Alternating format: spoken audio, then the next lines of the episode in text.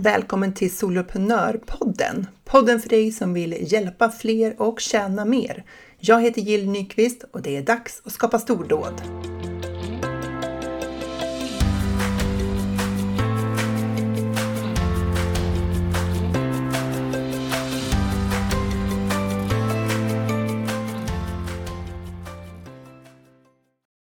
Idag när jag spelar in det här så firar mitt företag fem år.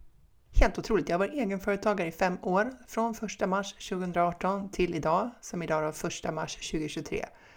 Och om jag hade fattat vad som skulle komma att krävas av mig när jag klev utanför dörrarna på mitt jobb, som då var vice förbundsdirektör på ett kommunalförbund den 28 februari 2018, hade jag varit lika peppad då om jag hade förstått det? Alltså jag vill ju tro det, men med facit i hand, jag vet det 17. Alltså ibland är det ju bra att inte veta vad man inte vet. Naivitet kan ju vara en välsignelse ibland. Om du vill höra den nakna storyn bakom starten av mitt företag så häng med. För det här är berättelsen om hur jag gick från att vara en kommunalanställd chef till att bli en digital soloprenör. Eh, både motgångar, bakslag och framgångar. Och vad är framgång? Ja, men för oss som driver företag så är ju pengarna en del av framgången. För utan intäkter, ingen lön. Och utan lön så blir det liksom inget företag över tid. Så det här med pengarna är ju viktigt. Och jag gick från 0 kronor i intäkter till att kunna ta ut en bra lön varje månad och en rejäl utdelning. En häftig sak. Men framgång kan ju vara så många fler saker också. Friheten att välja uppdrag, välja arbetssätt, välja vart man vill jobba, med vilka man vill jobba. Men utan intäkterna så blir den där friheten svår. Därför är det ju angeläget att få till intäkter i våra företag för att vi ska få en hållbar tillvaro eller ett hållbart företagande. Eh, men jag ska inte fastna där nu, för det var verkligen inte med pengar som mitt företagande började. Eh, jag kom i ett läge, jag har säkert berättat det förut i podden, att jag kom i ett läge där jag kände att jag ville ha en förändring. Och jag funderade över om jag skulle liksom byta jobb. Problemet var att jag hade världens bästa jobb redan. Jag var chef och eh, jag hade en jättebra ledningsgrupp som jag jobbade i. Jag hade jättebra medarbetare. Jag trivdes med det vi gjorde i det här kommunalförbundet. Jag jobbade med miljöfrågor, återvinning. Jag är en hejare på sopsortering. Och så det var liksom inget fel på det jobbet jag hade. Utan eh, jag testade tanken liksom om jag skulle kunna tänka mig att söka andra typer av jobb. Och det, det kändes inte lockande, liksom, det där. Att eh, söka något motsvarande jobb eller kanske högre jobb, en VD-tjänst någonstans i något företag. Det, liksom, det lockade inte alls. Inte förrän jag var ute och gick på en sån här hundpromenad och eh, jag kom på den här tanken att jag har ju redan ett företag. Tänk om jag skulle jobba i egen firma? För jag hade ju skrivit min första bok något år innan och för att kunna sälja den så hade jag startat ett enskild, en enskild firma utan några, tank, utan några som helst tankar på att det skulle på något vis vara eh, någon framtid. Det var bara att jag kunde sälja boken. Och då på den här promenaden så insåg jag att jag har ju redan ett företag. Jag kan ju jobba i det behöver inte ens söka något nytt jobb, jag har ju redan ett i det där företaget. Och när jag tänkte den tanken, att jag kan ju jobba i eget företag, då liksom så här pirrade det till i kroppen. Jag kände det i magen att här, det där var intressant. Om man skulle utforska den tanken, att jobba i eget företag, vad skulle hända då? Vad skulle, hur skulle det se ut? Och ju mer jag tänkte på den där idén, desto mer övertygad blev jag om att det där, det var ju det var ju det som var grejen. För att det jag kom, det jag kom till, till insikt i då, det var ju så här, jag vill ju inte ha ett nytt jobb. Jag vill ju ha ett nytt liv. Vilket, vilket kan låta lite dramatiskt. Men det var ändå det här känslan av att här, jag, ville, jag ville prova att leva mitt liv på ett annat sätt. Och man läser ju de här berättelserna om människor som gör stora livsstilsförändringar och ofta blir man ju väldigt inspirerad av dem. Och någonstans hade jag läst en intervju med en författare, jag tror det var en norsk författare, som beskrev hur hon jobbade liksom på förmiddagarna och så gjorde hon andra saker på eftermiddagarna. Hon skrev sina böcker liksom typ så mellan åtta och ett eller något sånt där. Och den, den, där berättelsen stannade kvar i mig. Så här, tänk om man skulle leva på ett annat sätt. Tänk om man skulle jobba på ett annat sätt än vad jag gjorde idag. Och där började ju mitt utforskande i liksom så här, hur skulle det här eh, gå till? Eh, och jag visste inte det. Jag tänkte så här, men jag har gjort jättemånga saker som anställd. Rimligen måste jag ju kunna använda något av det där i ett företag. Så det började med det där skavet. Att, att så här, det var, jag ville någonting annat, men jag kunde inte riktigt definiera först vad det var. Eh, och det handlade inte om att det var dåligt där jag var, utan det var att jag var klar med det. Jag var färdig med att jobba som chef och jag var klar med att jobba i ledningsgrupp och med styrelsepresentationer och allt det där som jag hade trivts med i så många år. Kände jag bara så här, jag har gjort det där nu. Nu är det dags för någonting annat, liksom ett nytt kapitel. Och det visade sig att det var ju att bli egenföretagare. Vilket är lite komiskt med tanke på att jag eh, innan jag började jobba, alltså efter universitetet och började jobba, så var egenföretagare det sista jag kunde tänka mig. Jag hade växt upp i en familj där mina föräldrar var egenföretagare och sett den vardagen och tyckte att så här, nej tack, inget för mig. Eh, ge mig en fast anställning och en lön varje månad, tack så mycket. Så att jag kom ju därifrån eh, och sen plötsligt så blev det här rätt.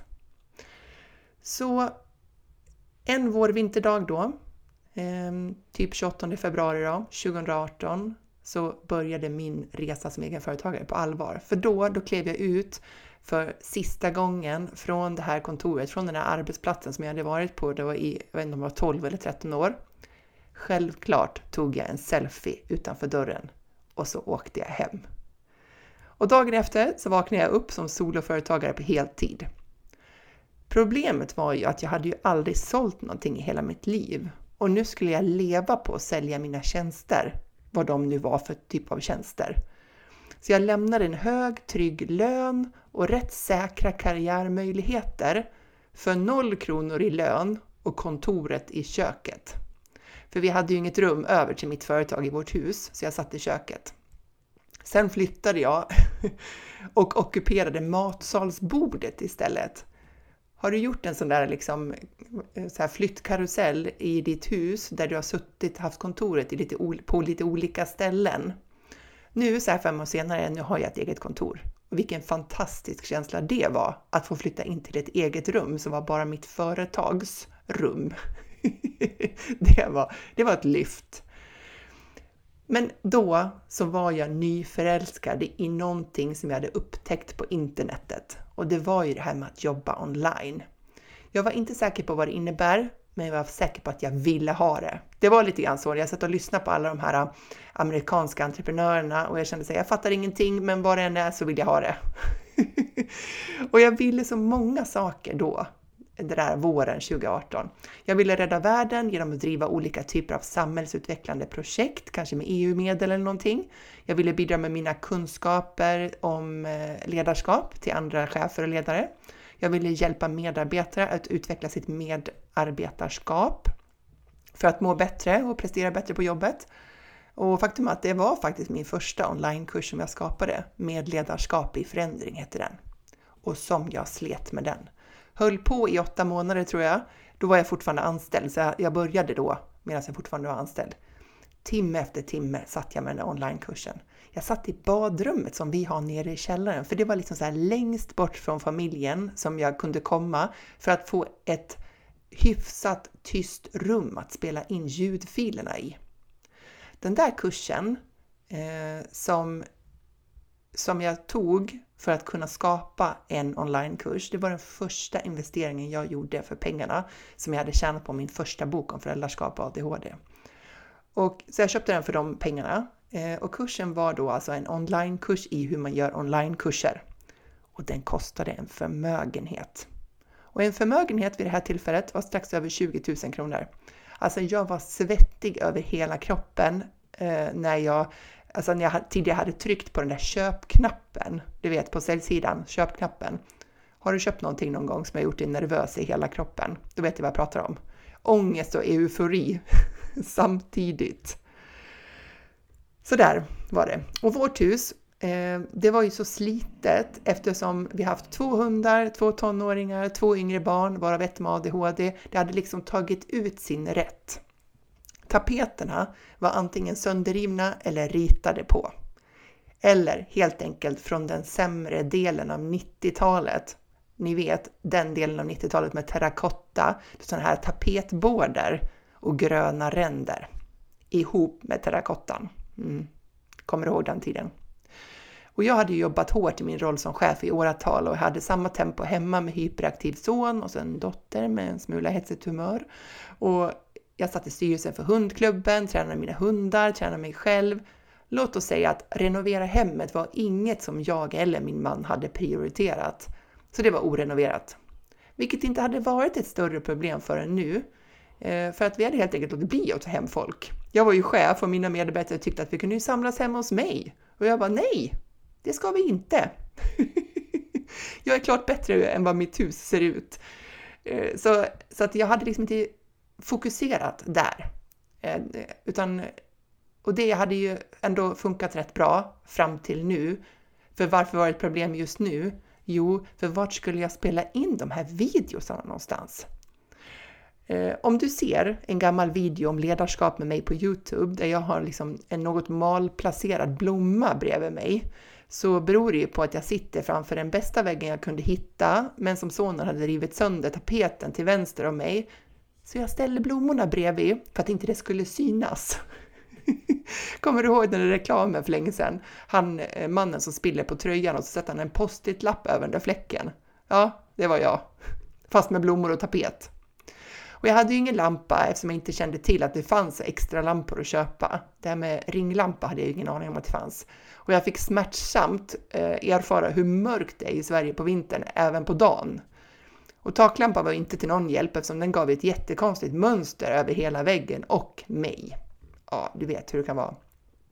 Och min gamla iMac var ju så trött. På riktigt så tog det tre timmar att spara ut en av videofilerna. Fläkten brummade och jag kunde inte använda den förrän liksom den var klar med hela den där proceduren. Det var den glamorösa starten på mitt liv som företagare. Det jag minns bäst från den tiden, det var att jag var så galet upptagen hela tiden. Jag minns att en granne frågade om vi skulle cykla mountainbike på kvällen en härlig vårkväll och jag var på väg att tacka nej för jag behövde jobba. Och sen tog jag mitt förnuft till fånga och följde med. Alltså snacka om att jag jobbade på lagret. Nu så här i efterhand så undrar jag vad var det jag var så upptagen med hela tiden? Vad gjorde jag egentligen alla de där timmarna? Jag menar inte alla timmar jag la på den här onlinekursen, utan jag menar sen. För jag hade ju inga kunder. Jag hade inga uppdrag. Kommer du ihåg första gången du skulle göra ett nyhetsbrev? Alltså, jag skapade med darrande fingrar ett konto på Mailchimp, för det var liksom det första nyhetsbrevssystem som jag liksom föll över. Och jag hade hört från någon snabbpratande amerikansk entreprenör, vilket jag nu undrar så i efterhand, vilka var det jag följde då? Jag kan inte minnas det. Vi hade ju hört det då att e-mail marketing was the shit. 5% av listan köpte ens online courses. Och jag satt och räknade. Hur många behövde jag ha på en lista för att kunna sälja kurser och få in rimligt mycket pengar? Och grejen är att jag inte förstod hur mycket pengar man måste dra in i ett företag för att kunna ta ut lön varje månad. Och det var nog lika bra att jag inte riktigt fattade det. För att om jag bara skulle leva på online courses, hur många skulle jag behöva sälja varje månad? Det var nog tur att jag inte gjorde den kalkylen riktigt sådär bra i förväg. Men vad jag saknade i kalkyler så tog jag igen med viljan att jobba. Jobba med vad som helst som kunde tänkas dra in pengar i mitt företag. Jag höll en illa betald men väldigt uppskattad frukostföreläsning för Randstad eh, de hade aldrig haft så många anmälda till en frukostföreläsning någon gång, sa de. Eh, och jag hade själv marknadsfört den här på LinkedIn. Jag fyllde en hel sal och temat var, eh, temat var typ varför gör de inte som du säger? Det handlar om att påverka beteendet. Och jag tror att jag höll det där föredraget minst 40 gånger på mina hundpromenader innan jag verkligen stod där galet nervös framför alla de här människorna i salen. Jag hade ju hållit många föreläsningar och presentationer tidigare när jag jobbade som anställd, men aldrig som egen. Och det är lite annat att representera sig själv. Jag missbedömde ju såklart hur dåligt det syns på ett litet blädderblock i en väldigt stor sal, så just den blev, delen blev ju inte så bra. Och jag hade ju inte direkt någon grafisk profil, så den där presentationen, den såg nog ut som skit. Men jag var rätt bra och mitt framförande var rätt bra. Och jag lottade ut fem inloggningar till min fantastiska onlinekurs då med ledarskap i förändring, vilket jag själv tyckte var en riktigt bra idé. Tyvärr var det typ ingen som använde den. Faran med att få någonting gratis. Det känns ju bra när man får det, men så blir det liksom inte riktigt så angeläget för att verkligen ta sig an det där. Ja, så där rök ju en liksom tänkbar affärsidé. Jag hade ju tänkt att jag skulle kunna få in en fot med den där kursen till de där företagen, men icke. Men föreläsningen gick ju bra och jag tänkte att föreläsare, det är nog mitt kall. Föreläsa inom ledarskap och föräldraskap och ADHD. Jag hade anlitat Olof Rölander något år innan och han hade tagit 38 500 kronor för en föreläsning. X moms, X resa. Så jag tänkte att det där var ju ett bra målpris för mig också. Fast det kändes lite högt kanske att starta med 38 500 så jag tänkte 15 000. Där skulle jag lägga mig. Problemet var att den enda föreläsning jag någonsin hade tagit betalt för då hade jag gjort för 1500 och det här var gånger 10. Det var så mycket pengar att jag mådde illa av bara tanken på att säga det högt till en potentiell kund. Jag mådde fysiskt illa i magen. Men man måste ju göra sig ett namn, så jag tackade ja till att göra en gratis föreläsning om föräldraskap och ADHD i Sundsvall på ett jättestort konvent för pedagoger. Och självklart så fick tåget på vägen upp tågstopp och jag och några andra som också skulle föreläsa där på Södra berget i Sundsvall blev strandade på en obskyr liten ort söder om Sundsvall. Vi blev till sist upplockade och jag kom 40 minuter för sent till min egen föreläsning. Jag sladdade in, lagom svettig, slänger upp datorn framför en hel sal full med varma, också ganska svettiga pedagoger, för de hade ju otroligt nog väntat i den där salen. Det fanns liksom inget syre kvar. Krängde av med jackan och höll ett föredrag i sånt taltempo att jag i efterhand är ytterst osäker på om någon, någon han uppfatta vad jag sa. Jag som älskar att prata fort hade nu en legitim anledning att prata fort, för vi hade ju ont om tid eftersom det hade varit den här tågförseningen. Så jag tyckte det var fantastiskt. men Jag vet inte om det var en så bra upplevelse. Men sen kom ju drömuppdraget vad det gäller eh, det här eh, föreläsandet. En driven rektor från en privat skola i Stockholm, jag kommer sjutton inte ihåg vilken det var nu, kontaktade mig. Hon köpte typ 30 av mina böcker direkt och undrade vad föreläsningen kostade. Och jag hade bestämt mig, för nu, nu var det dags. Halva, Rola, halva Olof Rolander, here I come. Så jag tänkte 15 000 kronor ex moms och resa, det var vad jag tänkte. Och så hör jag mig själv säga 7 500 ex moms. Och hon tar det direkt. Och jag lägger på med en vilja att skjuta mig själv i foten. 7 500, vad hände? Alltså var kom den siffran ifrån? Efter den incidenten, då fick jag ta mig ett rejält snack med mig själv. Var det så att jag hade missat att om jag inte fick in några pengar i mitt företag så innebär det på riktigt att jag inte fick ut någon lön? Var det på något sätt oklart det här förhållandet mellan kunder, intäkter och lön? Skamset insåg jag ju att det var inte alls oklart. Rent av mycket tydligt, kanske tydligast någonsin. Efter den incidenten, då sa jag 15 000 kronor oavsett hur jobbet det var. Och på kuppen så upptäckte jag ett supertrick och du kan få det här av mig. I mitt fall då så var det ju skolor jag skulle föreläsa till. Så skolan då, de frågade så här, vad kostar en föreläsning? Och jag sa 15 000 kronor plus moms. Och skolan, oj, det var över vår budget.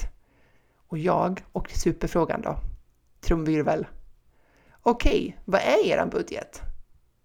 Och då återkommer skolan med vad deras budget är. Vi säger att det är 8000 kronor. Och då säger jag, okej, då kör vi på det plötsligt väldigt odramatiskt. Så jag köpte in mig på några dyra talarförmedlingar och upptäckte vad de gav mig, vilket var inget eh, mer än mindre pengar på kontot, så det var ingen bra investering för mig. Men någonstans här så insåg jag ju att jag kunde ju inte vara föreläsare på heltid. Jag avskyr att resa. Alltså jag går alltid fel. Jag har galet dåligt lokalsinne. Jag mår dåligt på tåg och jag vill inte flyga för miljöns skull. Jag har två hundar, barn och man. Åka kors och tvärs över landet, sova borta. Det passade ju verkligen inte mitt liv. Jag hade inte tänkt på det när jag bestämde mig för att bli Sveriges bästa föreläsare. Alltså antalet skolor att föreläsa på inom en så här typ 10 mils radio, det är ju rätt begränsat. Eh, I alla fall över tid. Dessutom så fick jag inte direkt några uppdrag här i närområdet, så att det var kanske ett feltänk från början från min sida. Ibland kan man väl säga att jag är sjukt korttänkt.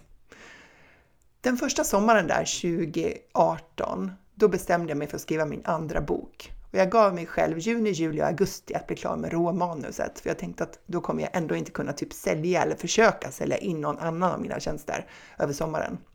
Och namnet blev Hjälp mitt barn har ADHD, konsten att leda dig själv i en utmanande vardag.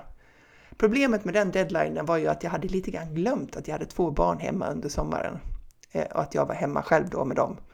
Eh, men eh, det var ändå den boken och skrivandet över den sommaren som fick mig att starta min livesändningskarriär. För att sälja boken så tänkte jag marknadsföra den vartefter jag skrev den. Så att jag skulle prata om boken vart efter jag skrev den. Så jag bestämde mig för att köra en live på Facebook varje söndag hela sommaren om ett avsnitt ur boken. Perfekt tänkte jag, för då måste jag hålla tempot uppe i skrivandet för att jag skulle liksom ha någonting att säga i de här livesändningarna. Och, så skulle jag, eh, och sen skulle det också senare visa sig vara ett genidrag. För att eftersom jag hade pratat om eh, boken då i så här tio veckor i sträck, tio söndagar i sträck, då blev det ju omöjligt att vika ner mig och ge upp eh, på slutet av den här boken. Och då menar jag inte på slutet av sommaren, utan jag, blev, jag menade hösten när jag skulle redigera och göra layout och göra liksom klar boken.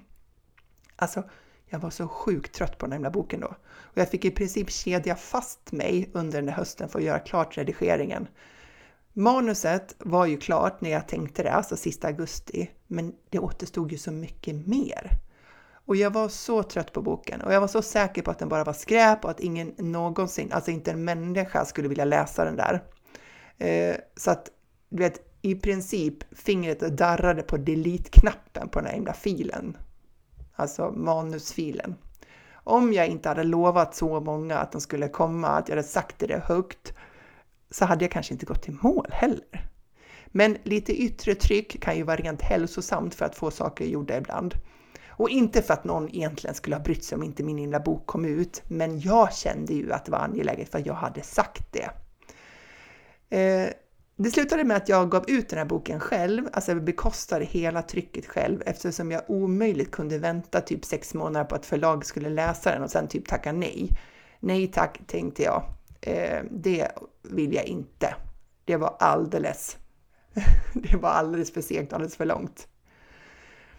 Och som företagare då får man utsätta sig för ganska många saker som, man, som är utanför sin, e-, liksom, sin egna komfortzon. Och jag, det kan jag väl säga att jag har gjort massor av sådana eh, steg ur min egen komfortzon. Och den där första livesändningen, det var ju en av de stora. Det där med priset var ju en sak, att säga 15 000 kronor, det var så utanför komfortzonen deluxe. Men den här livesändningen, alltså jag var livrädd. Jag var helt livrädd. Eh, och jag gjorde det på absolut krångligast möjliga sätt. För att jag, jag var så, så här äh, rastlös. Jag kunde liksom inte köra en livesändning framför datorn sittande. Så jag, jag tänkte så här, min genialiska plan då. Jag gör det när jag är ute och går. Så jag tar mina två hundar, mobiltelefonen och en fusklapp. Liksom, men jag skriver lite stolpar om vad jag skulle prata om på livesändningen. Och så går jag ut i skogen och kör den i, när jag går. Vet du hur krångligt det är att trycka på live-knappen, hålla i två hundar och en fusklapp och köra live? Det var en jättedålig idé. Eh, och jag var så nervös. Och förmodligen så pratade jag jättefort och den var inte särskilt lång och förmodligen var det ingen som kollade heller. Men när jag väl liksom la på och var klar så kände jag mig fantastisk att jag verkligen hade fått det gjort. Tills jag kom på att jag faktiskt inte hade avslutat livesändningen, utan jag fortfarande filmade och nu filmade mina bröst och näsan underifrån. Så. Avslutningen på den livesändningen blev kanske inte toppen, men jag hittade till slut stänga av-knappen så att jag fick stopp på den där. Men grejen var den, jag kände mig fantastisk som faktiskt hade fått det gjort, min första livesändning på Facebook. Den sommaren, då fick jag frågan om hur mitt företag gick och jag sa att det gick ju bra. Han som frågade såg vänligt på mig och så sa han att han verkligen hoppades att jag skulle få det att funka. Och jag tackade och log. Och sen tänkte jag, vad menar han? Varför skulle jag inte få det att funka? För vid det här laget så hade ju antalet nätter där jag vaknade upp svettig och tänkte Vad har jag gjort? Jag har ju familj! Sådana nätter hade minskat. Så dagtid så kände jag mig rätt stursk, okunnig eh, och livrädd för att sälja på telefon, men fast besluten att hitta någon annan väg, typ online.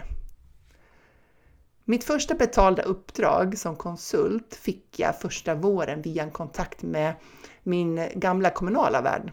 Det var förvisso i Jönköping, men vem kan vara nogräknad? Jag skrev min första offert, tog samma timpris som en duktig konsult som jag själv anlitat när jag jobbade som anställd. Där har en omvärldsbevakning som heter duga. Du ser ju hur jag sätter priser. Jag bara så här, tar någon annans pris och så bara, det här blir nog bra. Jag fick uppdraget, tog tåget till Jönköping, tog in på det billigaste rummet jag hade bokat. Ett under jord. Du vet, det finns hotell som har rum under jord. Jag fick ju nästan klaustrofobi där, bara för att jag ville spara pengar åt kunden. Hallå! Ja, Känslan efter den där första dagen när jag jobbade med den där ledningsgruppen var fantastisk. Det var vår, jag satt på en parkbänk och njöt av eftermiddagssolen. Inte för att jag kanske hade åstadkommit ett så fantastiskt resultat där och då i liksom, med den där ledningsgruppen. Men jag hade gjort det. Och nu var jag officiellt konsult. Hur coolt var inte det?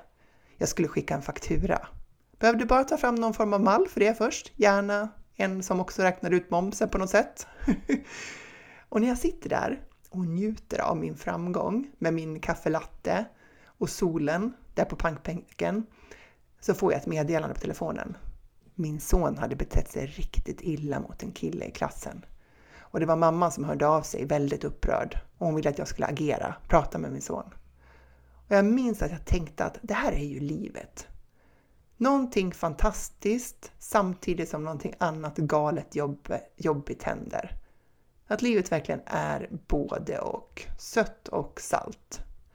Och jag bestämde mig ändå för att uppskatta den där dagen och parkera mamma-son-problemen för en stund. Så kom ett meddelande från en kommunikationskollega i grannkommunen på Messenger. Det var ungefär så här typ Hej Jill! Såg att du har startat eget. Vad är det du hjälper till med? Är det något inom de här områdena? Och så listar hon några områden. Varav jag självklart tyckte att jag kunde säga typ kunna hjälpa till inom alla de där områdena. Eller kanske inte det med GDPR. där drog jag ändå gränsen. Så jag sa till henne, ja, det där är sånt jag gör, fast inte GDPR.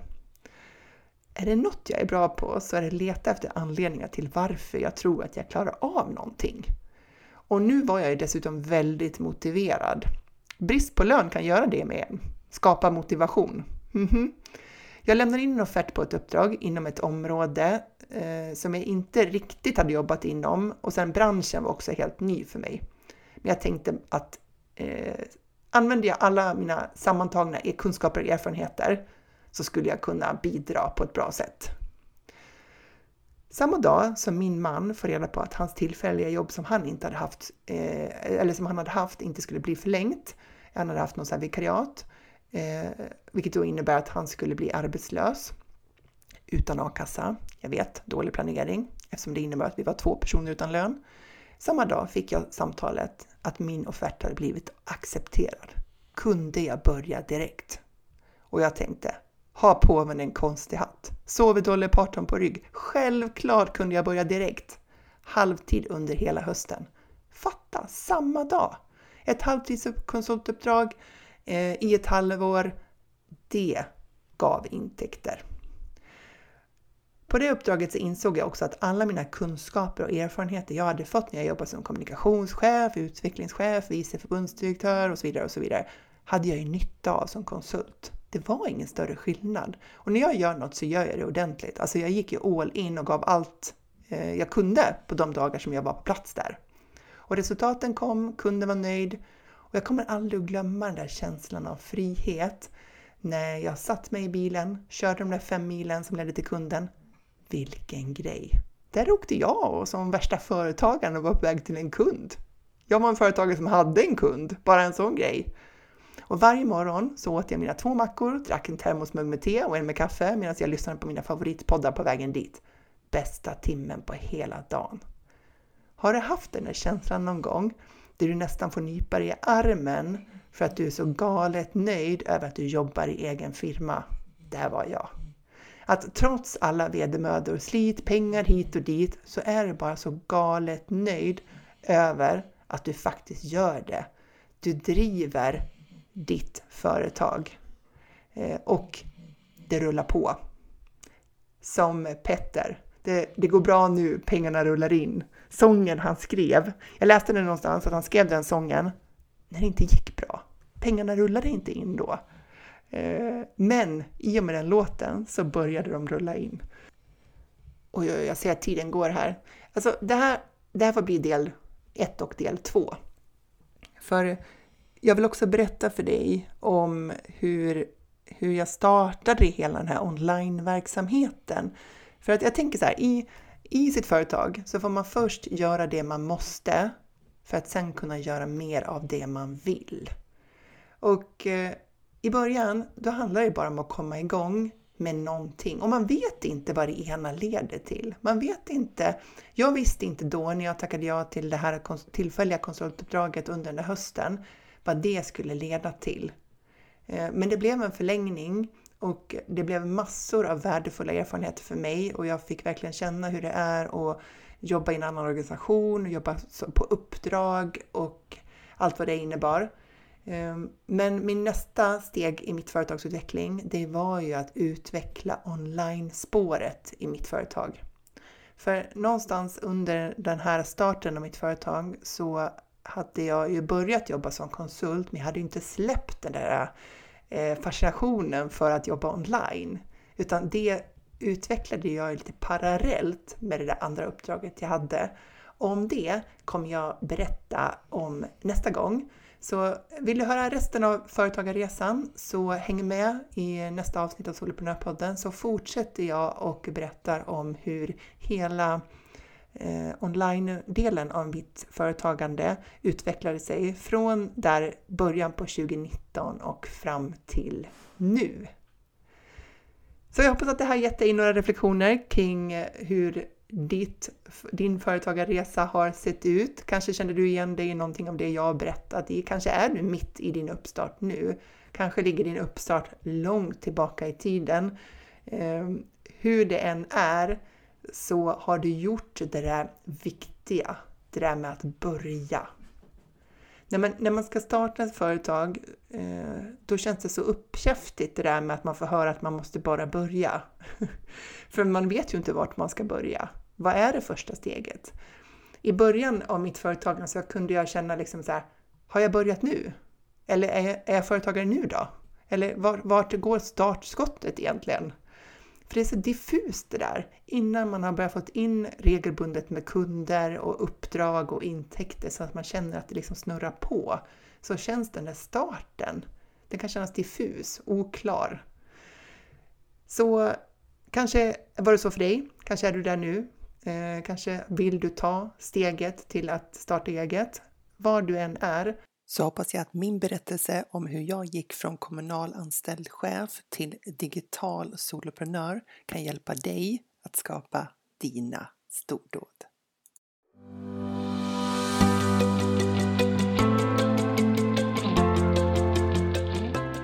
Stort tack för att du lyssnar på Soloprenörpodden. Jag är så glad för det. För att du inte ska missa när ett nytt avsnitt kommer ut så prenumerera gärna på podden i den poddspelare som du använder så vet du att du alltid får en notifiering när det är dags för ett nytt avsnitt. Om du vill får du gärna ta en skärmdump av det här avsnittet och tagga mig på Instagram i en story, solopreneur.nu. Jag tycker det är galet roligt att se alla er som gör det, för då vet jag ju att just du lyssnar och det är ju helt fantastiskt. Stordådligt, som jag skulle kunna säga.